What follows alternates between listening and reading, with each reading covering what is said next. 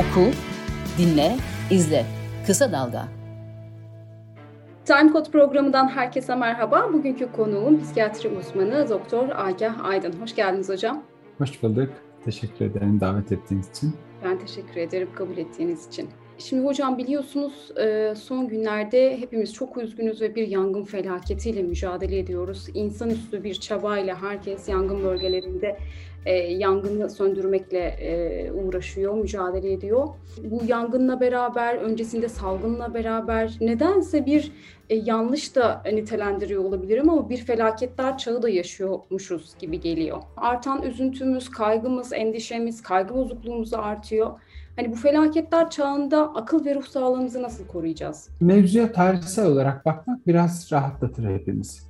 Hani İkinci Dünya Savaşı'ndan, Birinci Dünya Savaşı'ndan daha zor bir dönem geçirmiyoruz. Ya da ne bileyim Suriyelilerin, Afganların, e, Kürtlerin yaşadığı e, dramdan daha büyük bir dram yaşamıyoruz. Yani iş bizim başımıza gelince dünyanın sonu geldi gibi hissetmeye gerek yok. Biraz sakin olabiliriz. Biraz daha rahat davranabiliriz. Felaketlerin bu kadar yoğun hissedilmesinin nedeni yalancı bir iyilik hissinin de verilmesiyle ilgili olabilir. Hani her şey düzgündü, her şey güzeldi. İşte ne bileyim ölümsüzlüğü bulduk, ölümsüzlüğe ulaştık. Beş yıl sonra artık parası olan herkes sonsuza kadar yaşayacak gibi bir varsayımın olduğu bir dünyada birdenbire gripten insanların ölebileceğini öğrendik. O yüzden inandığımız yalanlarla karşılaştığımız gerçekler arasındaki çatışmanın dehşetini yaşıyor olabiliriz. İnanırken biraz daha dikkatli olabiliriz. Çok güzel. Bir de dağınık bir psikolojimizin olduğunu düşünüyorum. Tespitlerde yanılıyor olabilirim. Yanılıyorsam lütfen düzeltin beni. Yani dağınık bir psikolojimiz var ve bazen özellikle böyle felaket durumlarında e, eleştirilerimizi ya da kızgınlıklarımızı sanki nereye kanalize edeceğimizi bilemiyoruz ve o yüzden hep birbirimize bağırıyoruz, çağırıyoruz. Öfkeli bir toplum mu oluşuyor? Ve sanki bu e, dağınık psikoloji bazı gerçekliklerin de önüne geçiyor. İşte nedir o gerçeklik? Mesela yangın üzerinden e, söylersek işte bir iklim krizi var, küresel ısınma var, e, ormansızlaşma var yasal bir şekilde hem de derinlemesine düşünülecek birçok konu varken orman yangınları ile ilgili hep birbirimize öfkelenerek, kızarak acaba dağınık psikolojide bazı gerçekliklerin önüne mi geçiyor bu durum? Geçiyor olabilir. Yani saptamanıza katılıyorum. İnsan ilişkisel bir varlık.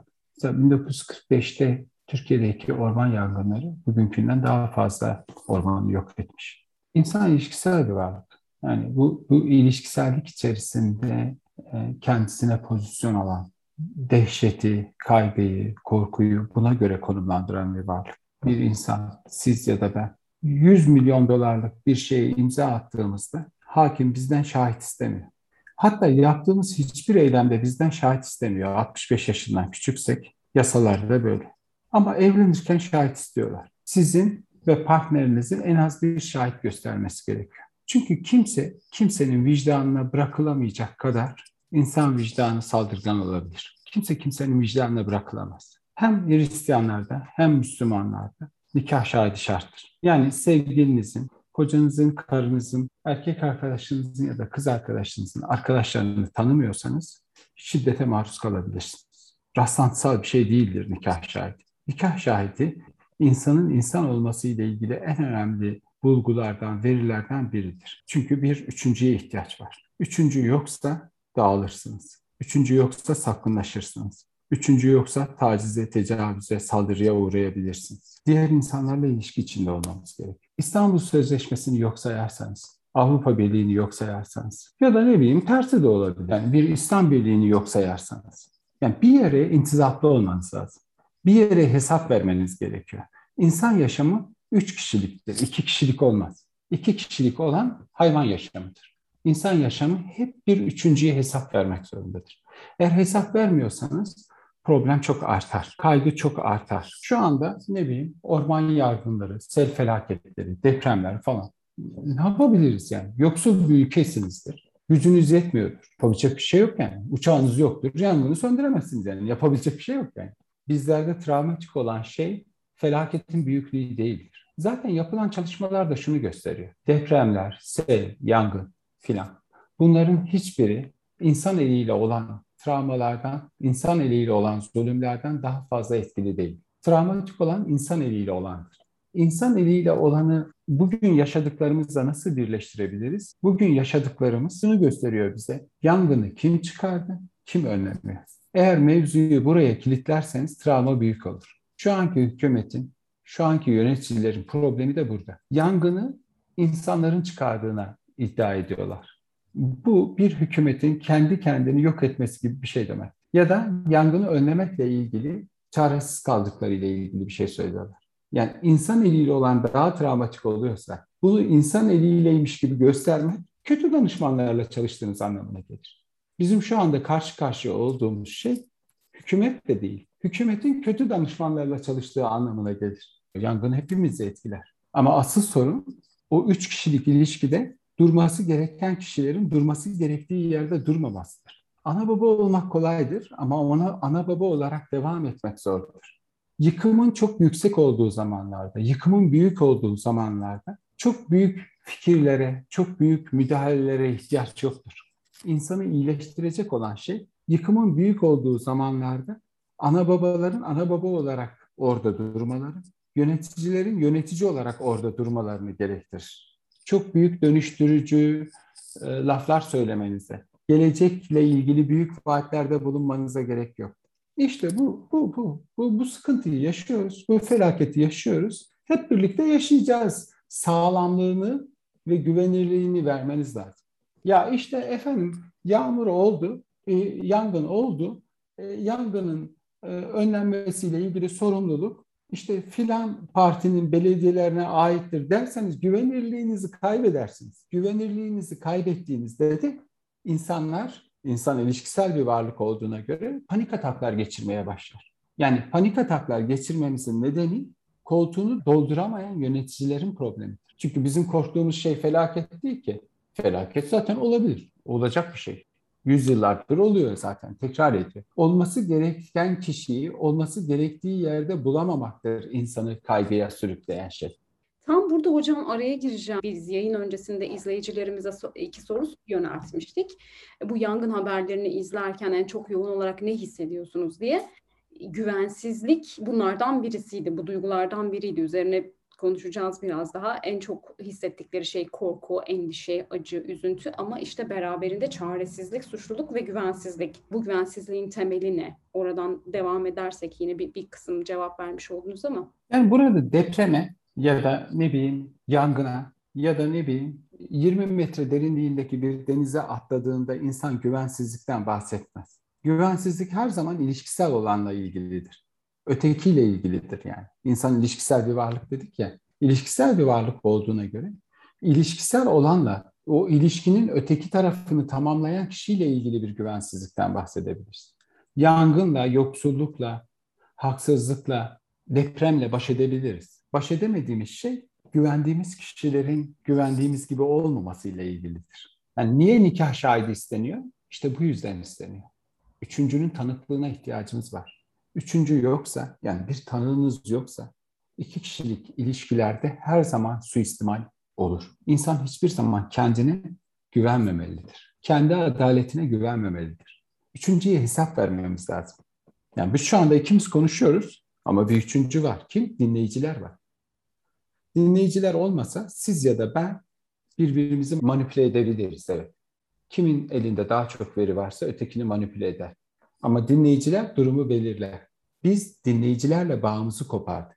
Nereye intisaplıyız biz? Biz bir Orta Doğu ülkesi miyiz, Avrupa ülkesi miyiz? Biz Avrupa'nın e, müktesabatına mı hesap veriyoruz, Müslümanlara mı hesap veriyoruz? Hiçbirine hesap vermiyoruz biz. Sapkın bir durumdayız yani. Dolayısıyla yangın çıktığında çok travmatize oluruz. Bir yere hesap vermemiz gerekiyor biz. Üçüncü. Üçüncünün olmadığı yer olur mu? İstanbul Sözleşmesi'ni iptal ediyorsun. Avrupa Birliği ile ilişkilerini askıya alıyorsun. Kime hesap vereceğiz? İki kişilik kaldık. İki kişilikte de kimsenin bilmediği bir ilişkiye benzer bu. Ekstramarital, evlilik dışı bir ilişkiye benzer bu. Adamın hiçbir yakınını tanımıyorsunuz, kadının hiçbir yakınını tanımıyorsunuz. İki kişilik bir ilişki. İki kişilik bir ilişki sapkın bir yere gider. Ama burada cinsel sapıklıktan bahsetmiyorum tahmin edeceğiniz gibi. Şiddete gider, tacize gider. Yasa yok çünkü. Yasayı kuran üçüncüdür yani. Bence yaşadığımız en büyük sorun bu. O yüzden çok travmatize olduk. Yoksa Yunanistan yangınlarla boğuşuyor. Amerika yangınlarla boğuşuyor. Kaliforniya her zaman Türkiye'den daha fazla büyük yangınlarla uğraştı. Biz yeni karşılaştık ama onlar hep vardı. Niye bu kadar kaos yaşamıyorlardı? Niye bu kadar korkmuyorlardı? E çünkü yangın var. Hep beraber yangınla mücadele edeceğiz yani. Bu hiçbirimizi olumsuz etkilemez.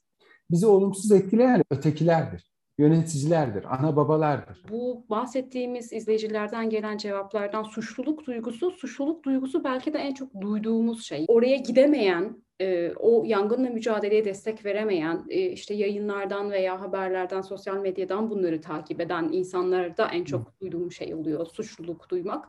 Ya da belki bu orman yangınlarına sebebiyet verdiğinin bir parçası olduğunun bilincinde olduğu için de bu suçluluk duygusunu duyuyor olabilir. Ama bu suçluluk, güvensizlik ve çaresizlik duygularına, aciz olma duygularına teslim olmadan ya da nasıl en akıllıca yönlendirebiliriz kendi günlük rutinimizi, iş hayatımızı da çok...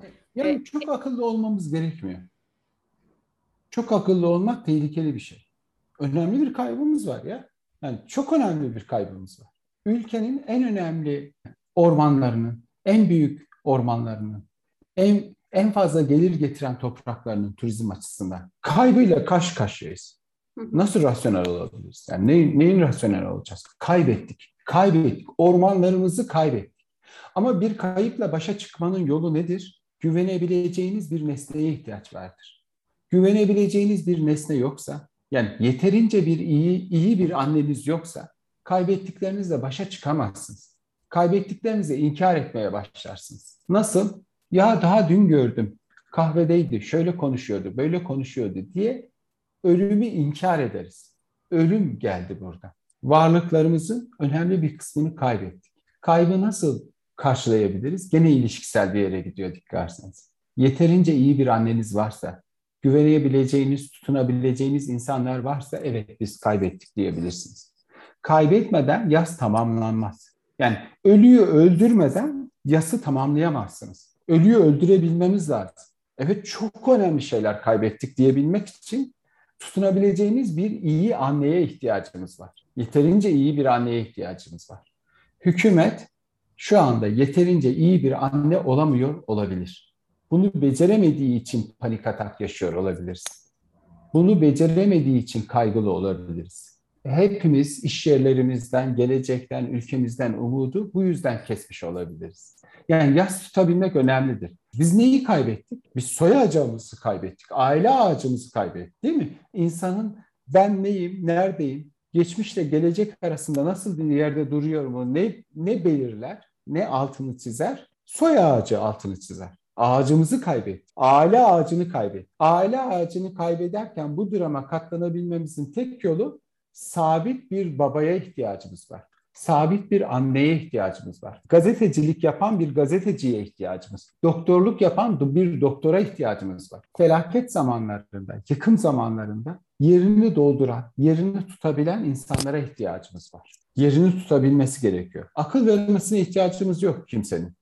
Ne doktorların, ne gazetecilerin, ne devlet görevlilerinin, kamu görevlilerinin. Sadece orada durmaları yeter. Biz onlara isyan ettiğimizde, biz onlara bağırdığımızda, biz onlara küfrettiğimizde orada sabit olarak durabilmeleri gerekiyor. Duramazlarsa panik atak geçiririz. Yani kötü bir baba babanın olmamasından daha iyidir. Yani neymiş efendim? Yangınların sorumluluğu belediyelerdeymiş. Böyle saçma bir açıklama olur mu? Tutarlı bir açıklama yapın. Ya paramız yok, uçak alamıyoruz deseniz daha güvenilir olur. Paramız yok, uçak alamıyoruz. Yoksul bir ülkeyiz. Ama yangınla, yangının üstüne toprak, küreklerle toprak atarak başa çıkacağız deseniz ülkede panik atak geçiren kişi sayısı çok azalabilir. Ama tutarsız cevaplar verdiğimizde, ebeveyn tutarsız olduğunda, çocuklar ebeveynlerinin hatalarıyla ilgilenmezler, tutarsızlığıyla ilgilenirler. Verdiği cevaptaki samimiyet ve tutarlılıkla ilgilenirler. Erişkinler de öyledir. Yöneticilerin verdiği cevabın tutarlılığıyla, samimiyetiyle ilgilenirler. Samimiyetsizlik panik atak yaratır.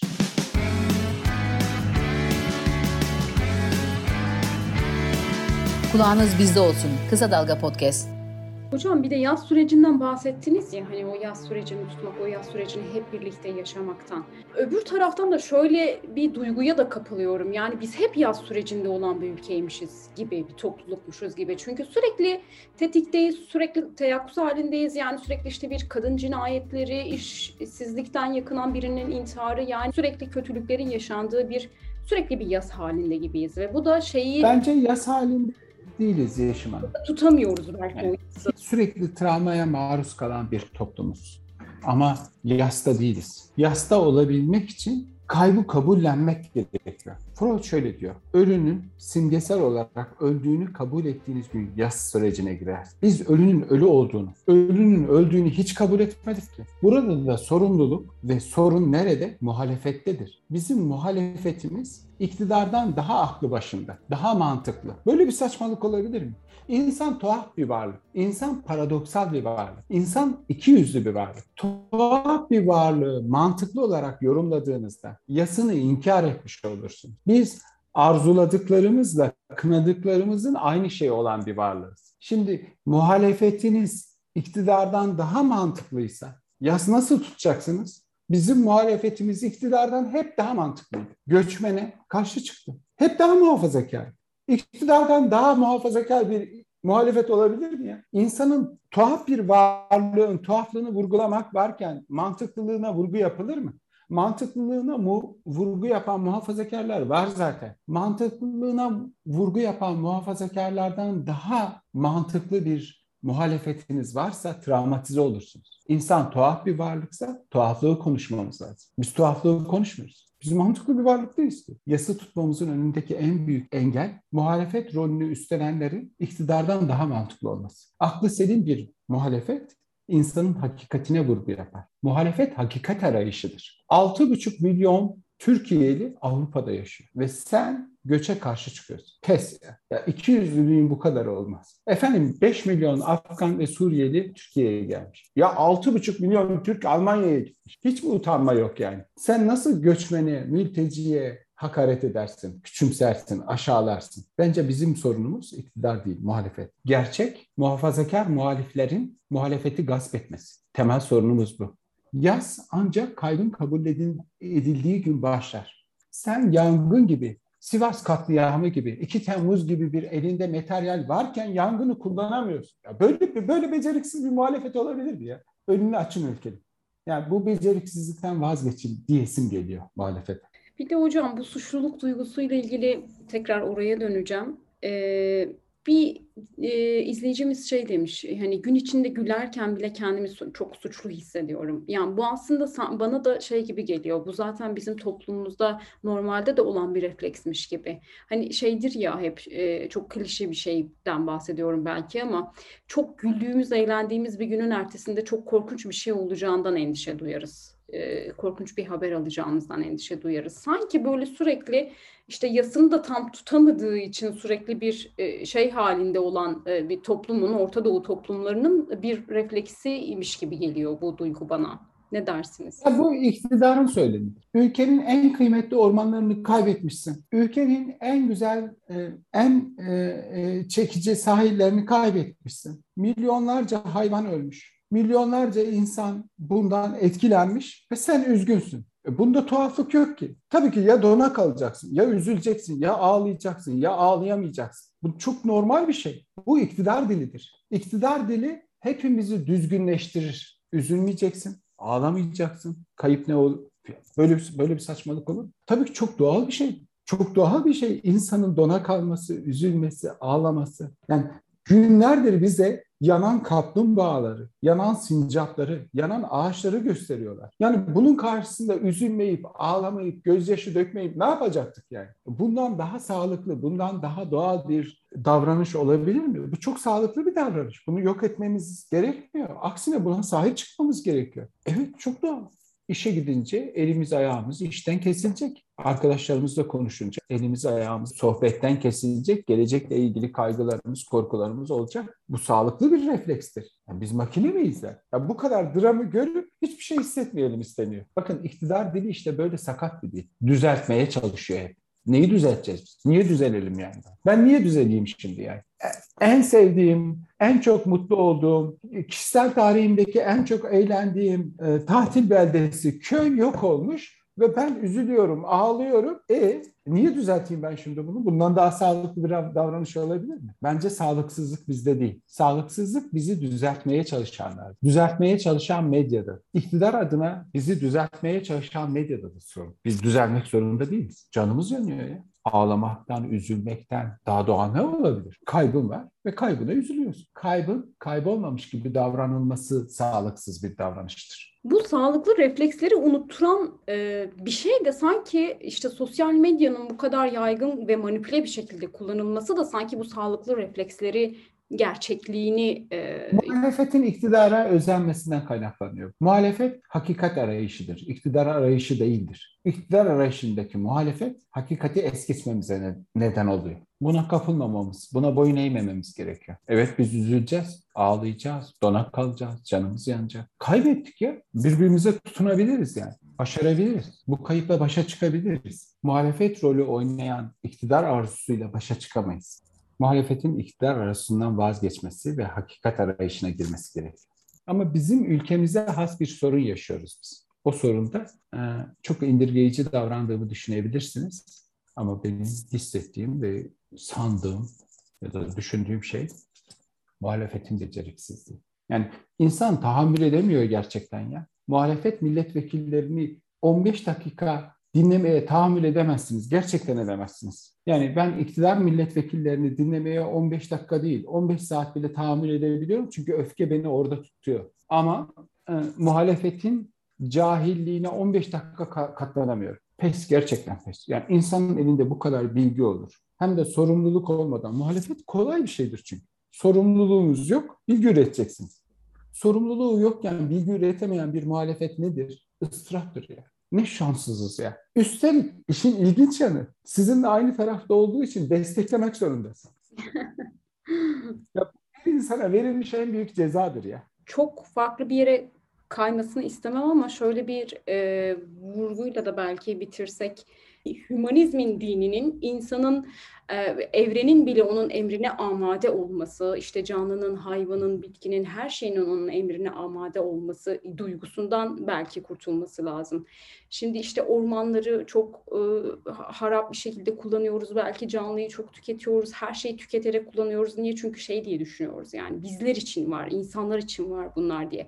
Belki de bu duygudan kurtulmak bize biraz iyi gelecek. Buraya bakmak biraz bize iyi gelecek. Yani o kadar önemli bir noktaya vurgu yaptınız ki humanizm iktidarın tuzağına düşen muhalefetin dramıdır. Onların dramı bizim de dramımız oluyor. Humanizm insanı merkeze koymak demektir. İnsanı merkeze koymak da din demektir. Ama bu böyle yumuşak geçişler yaşar. Humanizm, liberalizm, solculuk. Bu yumuşak geçişler çok tehlikelidir. Şu anda karşı karşıya kaldığımız muhalefet de bunu çok iyi yapmış bir muhalefet. O yüzden çok büyük tehlike altındayız. Yani çünkü bizim dilimizi bağlıyor. Humanizm ne ya? Böyle sapkın bir düşünce e, olabilir mi? Yani böyle bir faşizan bir düşünceyi bu kadar e, masum bir şeyin içine, trubatın içine saklanabilir mi? Faşizmin diğer adıdır humanizm. Bence burada karşı karşıya olduğumuz e, bir sorundan ziyade ben iyi bir yerde olduğumuzu düşünüyorum. Mesela şu anda siz genç bir gazeteci olarak şu anda ikimiz biz konuşuyorsak bu dünyanın iyi bir yere evrildiğini gösterir. Yani 10 yıl önce size bu şansı vermezdi Hürriyet Gazetesi açık konuşalım. Ama siz şu anda sosyal medya ve onun getirdiği olanaklar sayesinde e, bu faşizan ve yıkıcı hiyerarşiden kurtarıyorsunuz kendinizi. Dolayısıyla beni de kurtarmış oluyorsunuz. Dolayısıyla ben kötü durumda olduğumuzu düşünmüyorum. İyi bir durumdayız. Çok iyi bir durumdayız. Yani bu 20. yüzyılın e, despotlarının korkusu. Bizim korkacak bir şeyimiz yok ki. Giderek daha iyiye gidiyoruz. Giderek daha zayıflıyorlar. 20. yüzyılın despotları giderek daha güçsüzleşiyor. Onlar düşünsün. Biz kazandık. Faşistler ve iktidar düşünsün. Hep biz kazanıyoruz. Hep biz kazanacağız. Giderek güç kaybediyorlar. Daha da kaybedecekler. Pekala. Değerlendirmeleriniz için çok teşekkürler hocam. Ben teşekkür ederim davetiniz. İyi günler dilerim. Çok teşekkür ederim. Kısa Dalga podcastleri Demet Bilge Erkasab'ın editörlüğünde Mehmet Özgür Candan'ın post prodüksiyonu ve Esra Baydemir'in hazırladığı görseller ile yayınlanıyor. Kısa Dalga'ya destek vermek için Patreon sayfamızı ziyaret edebilirsiniz.